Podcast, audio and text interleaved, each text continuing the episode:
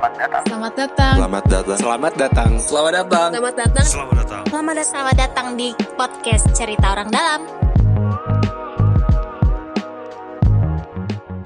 Halo, selamat pagi, siang, sore, malam. Selamat datang di podcast Cerita Orang Dalam. Nah, nampaknya saya sendirian lagi ya, jomblo lagi hari ini ya. Karena daripada Oki ribet ya nyusun-nyusun, jadi saya hostnya sendirian aja gitu. Karena tamunya banyak juga nih sekarang. Nah, tamunya ini kalau kalian lihat di YouTube ya, ini ada dua yang berbaju ini ya, berbaju coklat-coklat tuh. berbaju coklat-coklat. Dan ada satu yang eh, baju batik. Kalau saya nggak kelihatan sih ya. kameranya di sini pak, kameranya di sini pak, kameranya di sini pak. Nah, jadi hari ini kita akan ngobrolin sesuatu yang nampaknya keren banget nih. Wah, ada namanya jamnya JRC. Apa tuh? Jakarta Recycle Center. Nah, ngomong-ngomong tadi ya Jakarta Recycle Center. Nah, ini kita ngobrol sama orang-orang yang paling apa ya? Paling ngerti, apa paling paham apa nggak tahu lah. Kita paling enak ngomongnya langsung aja nih. Di sebelah kiri saya mungkin kenalan dulu dari Bapak dari mana gitu, nama dan asal. Halo, selamat pagi, siang, sore. siap siap. Mic-nya kurang dekat lah. Mic-nya diarahin biar ke pas ini, biar pas mulut. Oke. Nah, diputerin. Cek satu dua. Nah, Eh, saya jadi tegang ya Pak. santai Baik, aja. eh, salam kenal. Perkenalkan nama saya Aryan Bramudi dari Unit Pengelola Sampah Terpadu Dinas Lingkungan Hidup Provinsi DKI Jakarta. Oke, siap. Lanjut, Mas. Ya, Assalamualaikum warahmatullahi wabarakatuh. Waalaikumsalam. Selamat pagi, siang, sore, malam semuanya. siap. Saya Enril da- dari suku dinas lingkungan hidup Jakarta Selatan. Cuk, siap. Nah, satunya lagi nih, Bapak dari mana, Bapak? Halo semuanya, nama saya Wintang, biasa dipanggil Wintang. Dari tim gubernur. Siap. Nah, nyambung nih tadi nih. Kan kita ngomonginnya Jakarta Recycle Center. Nih recycle nih apa? Apakah dia termasuk ikon di laptop gitu kan recycle bin. Oh bukan ya nggak lucu ya. Oke. Jadi silakan. Jadi ini kan berarti berhubungan dengan sampah kan berarti kan.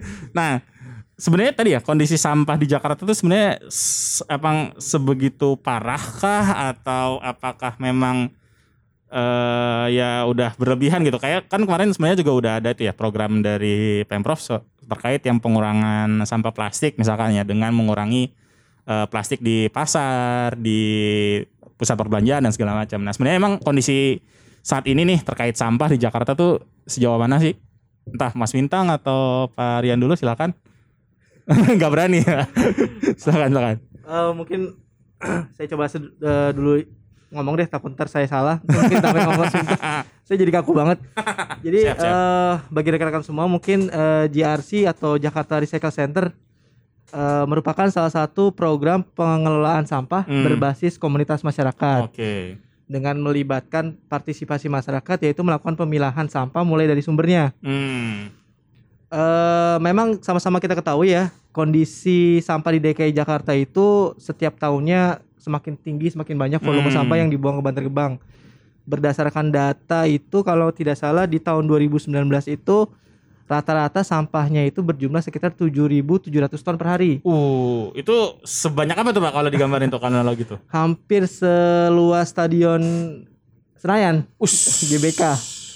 Kemudian untuk di 2017-nya sekitar 6.800. Jadi trennya itu semakin lama setiap tahun itu semakin naik. Sehingga makanya dari eh, Pemprov DKI Jakarta kita berkolaborasi nih ada dari Sudin, ada dari Satpol dan dari UPST itu menggagas program namanya Jakarta Recycle Center. Hmm. Seperti itu. Oke, oke, oke.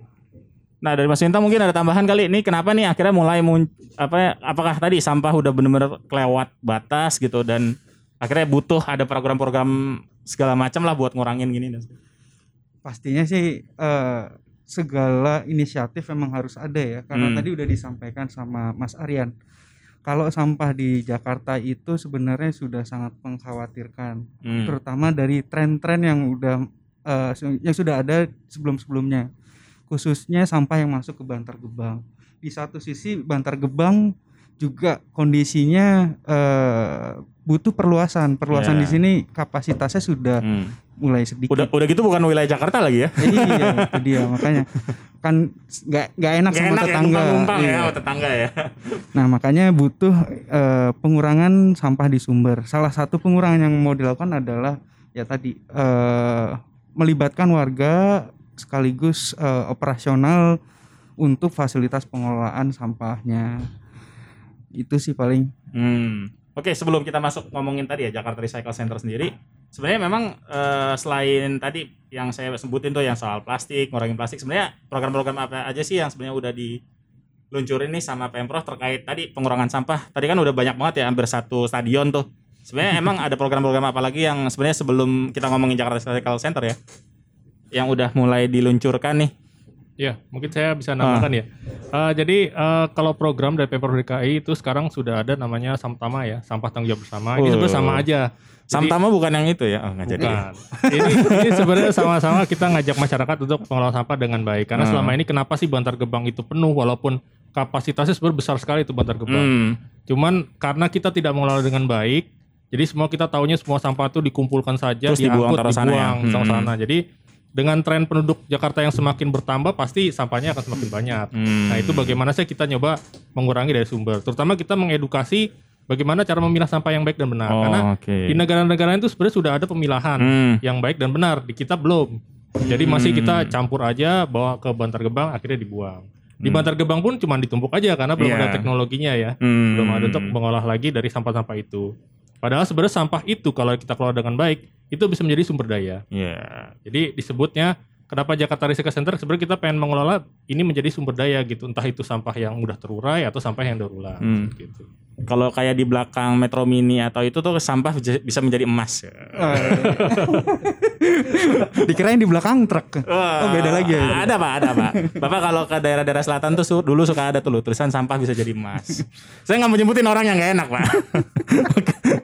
Nah, tapi tahu mungkin bapak, jadi tahu nih. Nah eh, lanjut lagi. Nah awal mulanya nih kepikiran kenapa akhirnya mulainya bikinnya adalah Jakarta Recycle Center. Eh, mulai dari mana tuh awal tercetusnya akhirnya bi- bikin namanya tuh Jakarta Recycle Center. Mungkin Pak Sarian dulu. Eh, baik, jadi pada sekitar tahun 2019 19, 19 Hmm. itu pemerintah kota Osaki eh, diskusi dengan eh, Osaki Pemprov- itu di mana pak? di, Jepang sono dikit. Oh Jepang soalnya dikit ya. Ya tau lah ya gitu kan. Iya, datang ke kantor kami ke Dinas Lingkungan Hidup. Kemudian berdiskusi untuk tujuan menjalin kerjasama. Hmm. Kenapa kita pilihnya di Pesanggerahan? Karena di Pesanggerahan itu awalnya sudah ada TPS 3R yang dulu dibangun dari Kementerian PUPR. TPS 3R itu apa itu? Mungkin nanti bisa ditambahkan dari Mas Hendri TPS 3R itu intinya tempat eh, penampungan sampah sementara Hmm. tapi dengan melakukan metode eh, reuse, recycle dan Oh, reduce. Jadi oke. di situ juga sudah ada pengolahan awal Oh. seperti itu. Nah, kenapa dipilih Pesanggerahan? Karena sudah ada lokasi TPS 3R walaupun memang fasilitasnya eh, masih belum maksimal. Hmm. Nah, pelan-pelan kemudian kami juga eh, coba memperbaiki. Di sana juga sudah ada timnya di Pesanggerahan, sudah ada timnya dan sudah ada personilnya eh, untuk melakukan kegiatan JRC. Seperti itu sih. Hmm. Oke oke oke. Mas Bintang mungkin mau nambahin kali. Kenapa nih akhirnya mulai kepikiran buat bikin itu tuh Jakarta Recycle Center? Betul, tadi yang disampaikan Mas Aryan, eh, tapi di satu sisi eh, ada apa namanya ya eh, inisiatif-inisiatif yang dilakukan di beberapa negara, akhirnya kita coba eh, duplikasi di sini. Oh, oke. Bisa kita contoh. Pertama kan di San Francisco tuh ternyata sempat eh, termasuk negara yang sukses Hmm. dengan adanya pemilahan karena konsep yang dilakukan di JRC ini kan konsep pemilahan ya, Hmm. ditambah dengan fasilitas daur ulangnya Hmm. Itu mereka sukses bahkan di sana terkenal eh, dengan tiga tong sampahnya itu warna merah, hijau dan hitam kalau nggak Oke. salah. Eh, Trifantastic kalau nggak salah namanya. Mereka diterkenal di sana. Terus di Osaki sendiri juga termasuk negara atau kota yang cukup atau eh, bi- bisa dibilang berhasil sih. Bisa bilang sangat berhasil Hmm. bahkan sampah yang dibuang di TPA di sana sampai 10% cu- 10% ya Mas Endril ya? Sekitar iya, 20-an, 10 sampai 20% sampah yang dibuang ke TPA-nya bahkan di Tiongkok atau Cina sekarang ini baru-baru ini 2019 mereka juga mulai menggalakkan atau enggak mulai mem- memulai program tentang pemilahan ini di eh, lingkungan rumah tangganya. Jadi udah mulai dipilah tuh di Cina tuh sekarang. Hmm. Mereka bahkan buat instruksinya khusus atau peraturan khususnya untuk pemilahan. Nah, kita mau coba eh, menduplikasi atau eh, mencoba inisiatif-inisiatif yang ada di negara-negara yang sudah berhasil melakukan pemilahan. Tantangannya memang berat sih. Nanti teman-teman Nah. dari Sudin dan UPST bisa cerita. Nah, nyambung nih eh, ke mungkin ke Mas Enril nih sebagai orang yang mungkin lebih lebih terjun lah ke lapangan. Kan nih tadi kata Mas Bintang adalah eh, ya di daerah di masing-masing daerah, eh, sorry di negara-negara itu warganya tuh udah udah memilah gitu, memilah sampah gitu.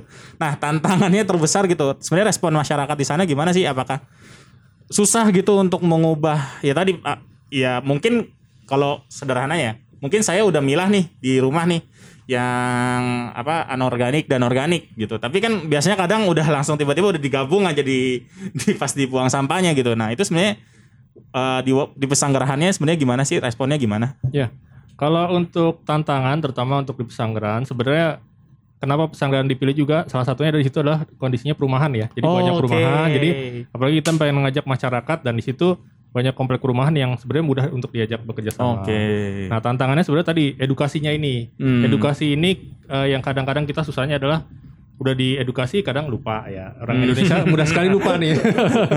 Kalau saya nggak ngomong nggak ngikutin Iya, ya iya, lupa iya, gitu. iya. Dan memang mungkin Ya. semangat di awal tapi lama-lama Iya, lama-lama ya. insya Allah sih pada apa ada peningkatan gitu. Hmm. Karena kita semakin mengedukasi mereka semakin paham. Dan memang itu harus ditunjang dengan berbagai sarana ber- dengan eh, apa namanya peraturan-peraturan biar nanti mereka semua juga berjalan dengan sebagaimana mestinya. Karena Hmm. kayak kayak tadi dibilang masyarakat sudah milah, nyata di belakangnya misalkan tukang gerobaknya belum diedukasi. Ah. Itu yang kita juga harus edukasi ke situ juga. Jadi Hmm. memang ini semua lagi diperbaiki semua.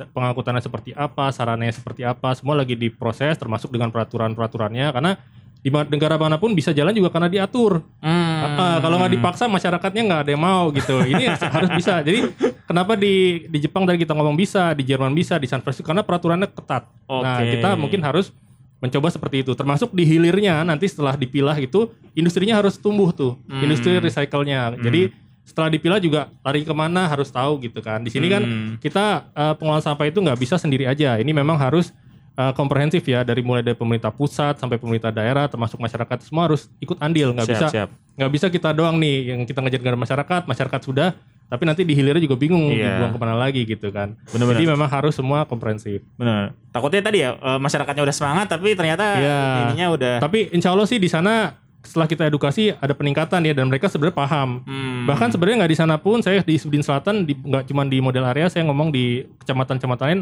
mereka tuh sebenarnya sudah siap masyarakat mau Hmm. gitu oke pak kapan kita mulai pemilahan Coba gitu. Nah, intinya sekarang bagaimana di kitanya siap untuk sarananya tadi yang tukang gerobak sudah siap untuk mengangkutnya terpilah terus di satuan pelaksana lingkungan hidup di kecamatan kita sudah siap itu yang paling penting Nah, nyambung nih Pak ke Hmm. terkait yang eh, apa tukang gerobak dan segala macam. Sebenarnya udah udah sejauh apa sih? Udah ada mobilnya kah? Udah ada tukang gerobak tadi mungkin udah Iya. ada edukasi dan segala macam. Itu apa aja sih yang sebenarnya urutan dari dari mana? Teknisnya lah dari ketika dari rumah sampai ke eh, apa namanya tuh berarti sekarang? CRC-nya ya? Iya. Jakarta Research Center. Mungkin Pak oh, Rian Pak ya. Rian. Eh, jadi eh, menambahkan lagi, jadi kalau teknis operasional di lapangannya Hmm. memang eh, kami sudah menyediakan fasilitas. Hmm. Pertama dari kendaraan operasionalnya kita menyediakan truk sampahnya dari Oke. dari pemerintah. Itu dipisah berarti Pak? Truknya di truknya sendiri sampahnya udah terpisah gitu. Oh ya sudah sudah, sudah Oke. terpisah. Jadi memang kita dibagi eh, dibagi jadwal pak. Kalau untuk Hmm. operasional memang eh, tadi dijelaskan kita dibagi jadwal. Jadi pengangkutan sampah itu tiap jenisnya eh, beda-beda tiap hari. Oh, jadi misalkan organik hari Senin gitu, Iya. anorganiknya Jadi hari Senin itu eh, hari Senin dan hari Kamis itu untuk mengangkut sampah eh, sampah organik atau Oke. sampah sisa makanan sisa makanan yang mudah terurai dan juga sampah jenis eh, aneka plastik Oh. serta residu. Siap, itu setiap hari siap, Senin siap. sampai hari Kamis.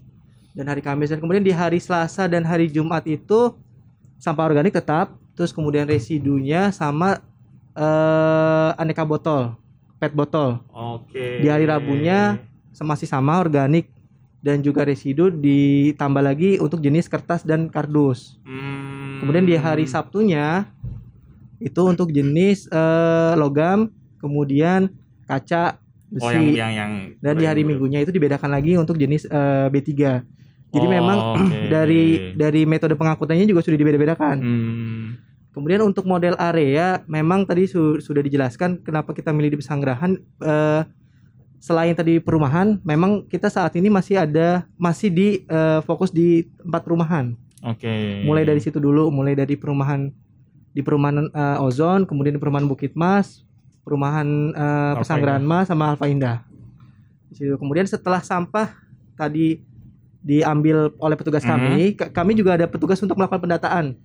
Jadi setiap harinya mereka bawa form data, mereka bawa checklist tiap eh, blok rumahnya itu didata. Jadi di dicek sampahnya apakah betul harinya ini misalkan hari eh, Senin. Apakah mereka Oh itu mau- ngeceknya ke mobilnya berarti? enggak ke rumah. Oh. Jadi tiap rumah mereka kan ngeluarin sampah di di depan rumahnya. Oke. Sambil diambil jadi Sambil sambil, diambil, diambil. di absen ya, Di di absen. Ya, ya. Jadi jadi ada ada rapot Itu hariannya. kasih pembantunya ya. Justru enak kalau di perumahan itu ada pembantu, jadi mereka Oh, lebih iya, iya, mudah. benar, benar, benar, Iya, kalau yang Bisa langsung di ya. perumahan mungkin Iya. bukan yang itu Iya. nggak susah. Jadi ada rapot ada ada rapot harian lah Oke. istilahnya. Dan kemudian rapot itu kita laporkan ke pengurus RT, ke Hmm. pengurus RW.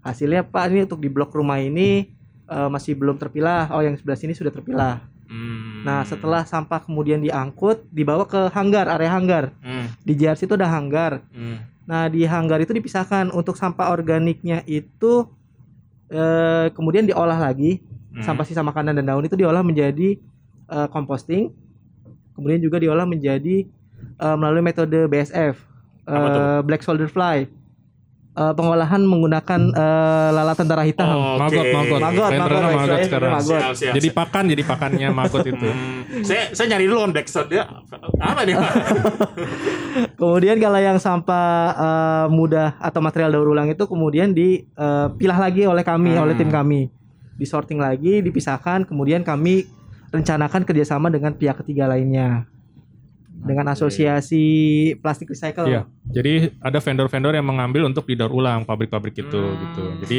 eh, kita kirim ke sana. Oke, Seperti itu. oke, oke, oke.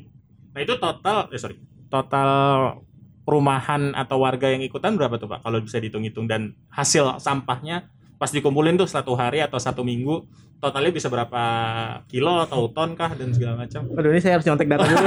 Yang data. Siap, Jadi siap, yang siap. pasti kalau dari dat tren data tuh sebenarnya memang sampah itu setelah diedukasi kita mungkin udah setahun ya jalan ya. gitu ya. Hmm. Itu sudah bisa warga sudah bisa memilah antara mana yang sisa makanan, mana yang Hmm. daur ulang, mana yang residu. Ber- Dan berarti tapi udah udah ngerti lah ya, udah nggak bingung udah lagi ngerti, ya? tapi mungkin ya masih ada satu dua lah yang Yang masih kadang-kadang salah ya. Itu bisa kita lihat bahwa residu itu yang residu yang benar-benar dibuang ke TPA itu berkurang menjadi 30%. Jadi Oke. sisanya benar-benar dikelola menjadi kompos atau misalkan tadi daur ulang daur lumayan ya, 30 Iya, sampai 30 persen. itu lumayan banget. Nah, kita pengen sih sebenarnya kalau memang bisa jalan eh, nanti bisa mengurangi timbulan sampah benar-benar di TPA gitu kan. Karena kan hanya sedikit sebenarnya benar-benar residu Hmm. seperti itu. Mungkin Pak Aryan ada datanya? Iya kalau data jumlah partisipasi memang kita JRC itu merupakan salah satu kegiatan strategis daerah Hmm. eh, Pak Gubernur. Jadi di situ targetnya itu memang jumlah partisipasi masyarakat itu berjumlah sekitar 1.300-an KK. Kakak. Oh, Oke, lumayan. Kemudian yang kedua adalah target eh, jumlah residu. Nah, jumlah residu itu target tahun ini itu lima- eh, 50%. Tapi alhamdulillah sampai per bulan November ini kita sudah mencapai 30-an persen. 30 persen. Nah, Oke. dari semua model area. Dari Jadi kalau kalau di rata-rata tuh sekitar 30 persenan. Sip, sip, sip, sip. Jadi ya alhamdulillah itu benar-benar bisa gitu ya. Sebenarnya warga tuh mau gitu untuk melaksanakan itu.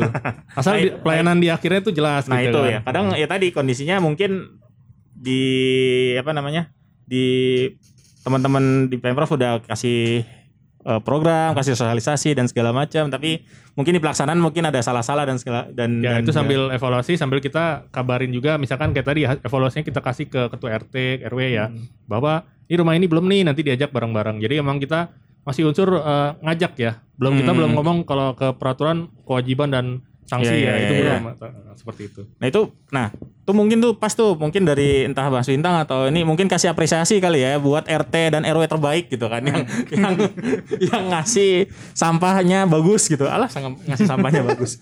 Nah mungkin lanjut lagi.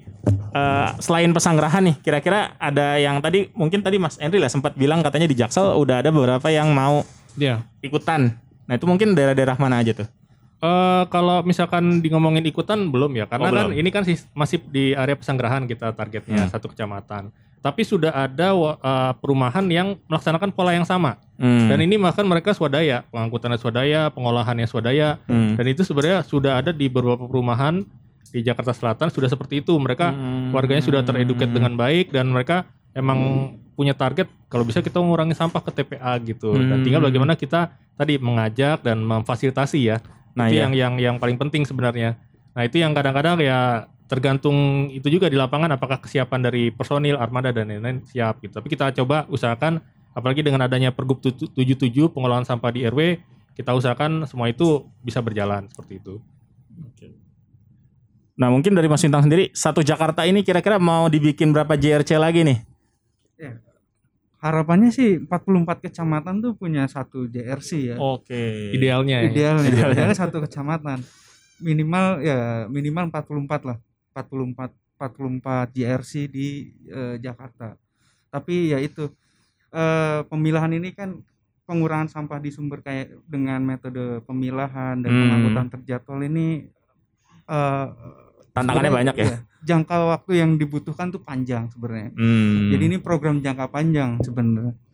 Jadi nggak bisa dibilang eh tahun depan selesai. So- soalnya ini ya sampai terus menerus bahkan nanti teman-teman di lapangan itu edukasinya ya tiap hari. begitu. Oh, oke. Makanya kita butuh eh, organisasi atau perangkat yang tadi sebagai pengawas di lapangan.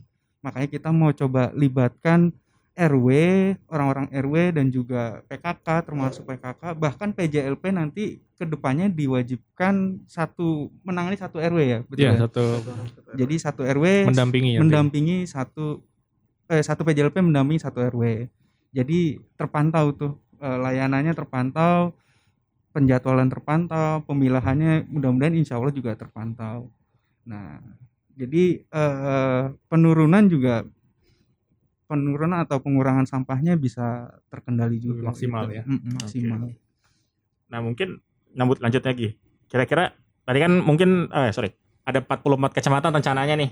Nah kira-kira dari pesanggerahan ini apa yang bisa jadi contoh yang mungkin bisa disarankan lah ke teman-teman kecamatan lain atau JRC yang lain kalau emang mau dibikin JRC lagi apa sih yang harus dijadi catatan nih supaya bisa berhasil nih kayak pesanggerahan?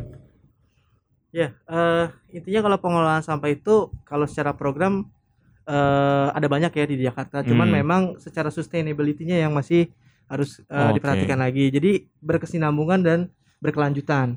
Itu tantangan eh, tantangan tersendiri untuk di eh, Jakarta karena mengingat kondisi tadi jumlah penduduk, kondisi Hmm. sampah kita semakin banyak.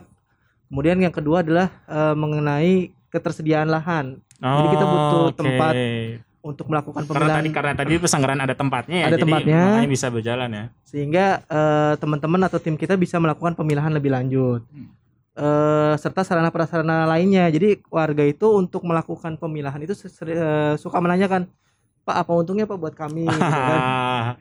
ya apa feedbacknya lah bahasanya Tapi ada, Pak, sebenarnya. ada apa tuh? kalau secara eh, secara APBD sebetulnya kami tahun ini sudah menyediakan kantong pilah tapi karena Hmm. kondisinya COVID akhirnya mau Pandemi ya. dicoret semua.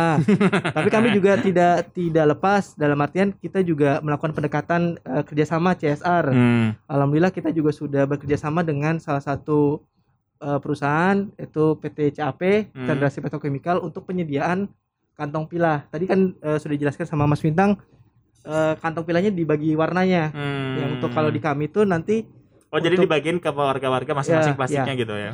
Jadi misalkan untuk warna eh, abu-abu itu untuk eh, residu, kemudian untuk warna merah untuk eh, B3, kemudian untuk warna biru itu untuk sampah material daur ulang. Hmm. Jadi itu untuk stimulus eh, sebagai kepada warga untuk dia bersemangat untuk melakukan pemilahan. Hmm. salah satu bentuk insentif lah bisa dibilang Jadi Oke. karena warga sudah sudah memilah, mereka ya dapat insentifnya itu tadi berupa eh, tempat sampah terpilah tadi. Oke. Jadi Kirain tiap- dapat ininya Pak, dapat hasil pupuk. Ada, gitu. pupuk sama, dapat. ada, Pupuk sama ada? pupuk. Belum selesai tadi. Oh sorry sorry sorry. Sama pupuk. Pupuk Eh, mungkin bahkan ada pupuk hasil dari pesanggrahan juga juga dikasih ke warganya sendiri Oke. untuk pesanggrahan. Tadi Mas Aryan mau nambahin lagi tadi. Enggak, udah sama tadi. Oh, udah. Iya. Heeh. gitu. Jadi harapannya sebenarnya ya itu tadi kalau bi- dibilang siapa namanya nih? Ayo siapa ayo. Mas Nobi ya. Waduh. Mas Nobi tadi kan bilang sampah itu apa emas ya tadi ya. Iya, Nah, sampai itu Nah, Mas. sebenarnya ya yang dimanfaatkan ya eh, terkait daur ulang ya itu sebenarnya konsepnya bahwa sampah ada sampah-sampah yang bisa bernilai ekonomis dan masih dibutuhkan bidang-bidang usaha lainnya. Jadi sumber daya jadi jatuhnya Iya. resource ya. resource. Hmm. Memang saya tambahkan ya konsep GRC ini sudah balik ke resource recovery. Jadi kita selama ini kan kayak tadi dibilang sampah hanya dibuang saja. Padahal itu sebenarnya bahan baku, bahan Iya. baku untuk pupuk, bahan baku untuk lainnya. Nah ini kenapa ada namanya recycle itu kita merecovery dulu nih resource jadi dari sampah-sampah itu supaya menjadi bahan baku. Nah itu yang kita dorong pemilihannya dari warga. Karena kalau misalkan kita mengandalkan dari kita pemerintah Oh, iya. agak susah ya operator ya. Capek juga ya udah ketumbuk. Ya udah ketumbuk, udah bau, udah itu kan kesian juga petugas kita kan gitu kan Ah. apa ngambil-ngambil sampah dari situ milah-milah kan Hmm. udah susah. Nah itu yang kita coba eh, merubah seperti itu. Oke oke. Kalau feedback langsungnya sih ada banyak yang menanyakan eh, mungkin ada karena kita punya program juga bank sampah ya. Itu Hmm. kadang-kadang kan kalau bank sampah mereka langsung dapat eh, nilai rupiahnya. Kalau ini kan Hmm. enggak ya. Tapi kita bilang bahwa nanti dengan ini bisa berjalan bersama dengan bank sampah. Jadi yang silahkan warga yang mau gabung ke bank sampah yang mungkin di- mereka pengen dapat feedback langsung Di silakan. pesanggerahannya ada juga berarti. Ada di pesanggerahan Oke. ada. Tapi kalau masih banyak sebenarnya sampah-sampah yang mungkin di bank sampah nilainya kecil mereka malas ngumpulin, Hmm. kumpulin ke kita aja gitu. Intinya jangan dibuang, itu tetap masih bisa jadi bahan baku daur ulang seperti itu.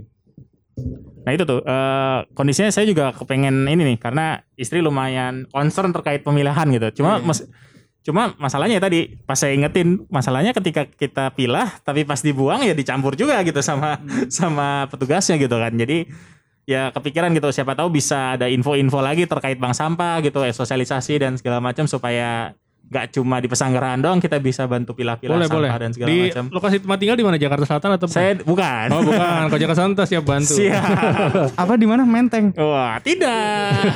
Jalan Menteng ya? Saya yang suka banjir pak di timur pak. Oh, di timur. Dikirain jalan Menteng yang dekat bundaran apa Tugu Tani itu.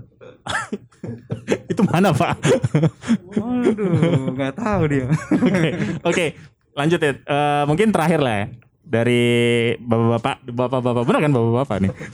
Masih muda Mas. Siap, siap, siap. Harapannya nih buat tadi terkait kondisi persampahan di Jakarta, kira-kira harapannya ke depannya seperti apa? Dari tadi terakhir dari Mas Aryan dulu deh. Ya, eh tentunya kalau harapan ya eh di mana pengolahan sampah di DKI Jakarta itu eh mindsetnya tuh sebisa mungkin eh, sampah tuh habis di sumber di awal di di, Oke. di hilirnya. Hmm. Ketika nanti misalkan di hilirnya sudah berkurang Apa tuh re- ini ya 3 R ya? Eh, recycle, reuse, eh reduce. reduce, Ya. reduce, recycle dan eh, Reuse. reuse. Memang kalau konsep sampah itu pengolahan sampah itu ada ada dua. Yang pertama adalah pengurangan Hmm. dan yang kedua adalah penanganan. Hmm. Nah, kalau memang dengan uh, model JRC ini adalah uh, metode melakukan pemilahan sampah di awal adalah merupakan uh, salah satu metode pengurangan sampah. Hmm. Makanya uh, program JRC ini merupakan program yang tidak mahal, tidak membutuhkan teknologi yang yang yang uh, Ribet lah ya. sophisticated lah, Ah. yang yang yang bagus sekali. Karena uh, dari warga untuk warga juga. Siap, Mungkin siap. itu harapannya dari saya. Oke, dari saya ya untuk eh, pengelolaan sampah, terutama ini untuk warga masyarakat ya. Intinya sekarang bagaimana warga melakukan pemilahan dulu. Kalau tadi eh, Mas Nobi bilang istri sudah mulai nih milah, Hmm. tapi bingung nih. Sebenarnya nggak usah bingung, karena Iya. sebenarnya gini, kita mengolah sampah dari rumah bisa. Sekarang Hmm. apalagi udah ada bangsa kalau kita sudah bisa milah antara sampah yang sisa makanan, yang udah terurai, kita bisa pakai metode tong komposter itu banyak dijual. Hmm. Atau bisa juga menggunakan lubang resapan biopori. Hmm. Itu juga sampahnya dimasukin aja gitu kan. Nanti eh, dia otomatis akan terurai sendiri. Dan terus kalau misalkan sampah-sampah daur ulang, sampah daur ulang itu sebenarnya ada cuma ada empat ya, itu plastik, terus kertas, terus kaca, sama satu lagi adalah metal. Hmm. Nah itu kalau sudah dipilah sebenarnya kita taruh aja di tong sampah itu pasti udah ada yang ngambil. Bener. Itu pasti Iya, udah iya, ada yang iya, ngambil. Jadi iya. sebenarnya kita nggak usah bingung apalagi Nah. sudah dipilah dengan baik ya. Ah, Pemilihan yang baik dan benar ada tadi kita memisahkan dulu yang sa- sampah-sampah sisa makanan yang busuk yang belum busuk iya. dengan sampah-sampah yang sama makanan itu bisa jadi pupuk dan Iya. segala macam. Nah kalau misalkan kita eh, tidak tidak dipilah dari awal itu akan susah nantinya. Nah terus kalau untuk sampah-sampah yang daur ulang tadi kok bisa kondisinya bersih kayak tadi. Hmm. Dengan kondisi bersih kita sudah pilah, taruh aja di tong sampah udah yang ngambil. Jadi Siap, kita nggak usah bingung nih belum nggak dilayani atau apa apa sih. Kalau sudah bisa seperti itu, insya Allah sih sudah bisa dengan sendirinya berkurang dari sumber gitu. Tinggal yang Hmm. sisanya ini ntar yang dibawa oleh petugas kita. Siap. Jadi kita pengen warga itu lebih berpartisipasi gitu walaupun sekarang mungkin belum bisa menyentuh wilayah lain Hmm. tapi kita sudah mulai dari diri kita sendiri dari sekarang dan dari hal-hal kecil kalau udah kata Ustadz ya nih ya. tapi benar Siap, sekali siap, kan siap, itu. benar. Nah, dari diri sendiri dari hal kecil dan mulai iya, sekarang. mulai sekarang seperti itu. Ini agim sekali saya. Kebersihan sebagian dari Ini saya baru dapat info nih, katanya eh, ada uh, public figure yang dapat pupuknya. Hmm. Siapa itu? Iya, jadi eh, salah satu model warga di model area itu kalau nggak salah berman ozon ada Mbak Nadine. Oke, Mbak Kebetulan- Nadine Chandraminata. Iya. Nadine Chandrawinata. Ke- kebetulan pada saat saya berkunjung ke sana eh, beliau juga langsung menghampiri menghampiri kami gitu. Jadi memang eh, tidak sengaja akhirnya eh, berdiskusi lah. Mereka eh, dia menanyakan tentang program JRC dan eh, dia mendukung sekali dengan program ini. Iya. Buat Mbak Nadine yang mungkin mendengarkan ya, tolong ya, gitu bantu testimoni ya, siapa tahu gitu kan. Siapa tahu gitu kan. masuk ya Pak ya, masuk ya. Loh ini kan dia beliau apresiasi loh Pak Nadine loh. Siap, siap. Oke, lanjut ke Mas Intang kenapa ketawa-tawa Mas Intang? Lanjut, mungkin harapannya kalau Mas Intang nggak boleh se pesanggerahan atau se Jaksel, harus satu Jakarta nih. Harapannya gimana? Mas Bintangnya ketawa-tawa mulu dari tadi. Aduh harapannya sih ya itu tadi Eh, harapannya tadi udah disampaikan. Udah ya. tinggal bisa diduplikasi sebenarnya diduplikasi itu maksudnya eh bisa diwujudkan di semua kecamatan karena emang ini salah satu contoh sukses sih kalau bisa dibilang tadi kita bisa menurunkan sampah hampir yang dibuang ke Bantar Gebang itu cuma 20% sampai 30% ya. Iya. Bah, itu 70% bisa kita eh, daur ulang sendiri. Hmm. Nah, makanya kenapa itu penting untuk dilakukan di Jakarta karena ya sambil menunggu penanganan sampah yang singkat dengan ITF itu jadi ya mau nggak mau kita Tapi kalau harus- tadi ITF katanya ini Pak, sophisticated. Pak. iya karena ri- ribet ya Ribet ya Pak. ribet masalah pembiayaan segala macamnya Ini Bapak curhat ya Bapak? Enggak, enggak. Oh, enggak, enggak, enggak. jadi butuh langkah emang butuh langkah yang Harus eh, mulai dari iya, diri mulai sendiri. dari diri sendiri toh nanti ada ITF juga masih bisa digunakan gitu Iya, iya. Itu mungkin ya buat yang 30 persennya yang nggak bisa dipakai. mungkin iya ya. betul betul Sip, sip, sip. Nah ini keren banget nih. Jakarta Recycle Center mungkin tadi ya harapannya adalah bisa diduplikasi dan bisa de- diterapkan di 44 kecamatan lain misalkan. Semoga. Amin. Semoga. Ya kita tutup aja eh, episode kali ini. Semoga udah udah. oh Pak. udah ya Oh, udah. Bapak mau nambah lagi, Pak. Ini adalah episode di mana pembicaranya nambah ya, minta nambah ya. ya, thank you semuanya. Bye bye.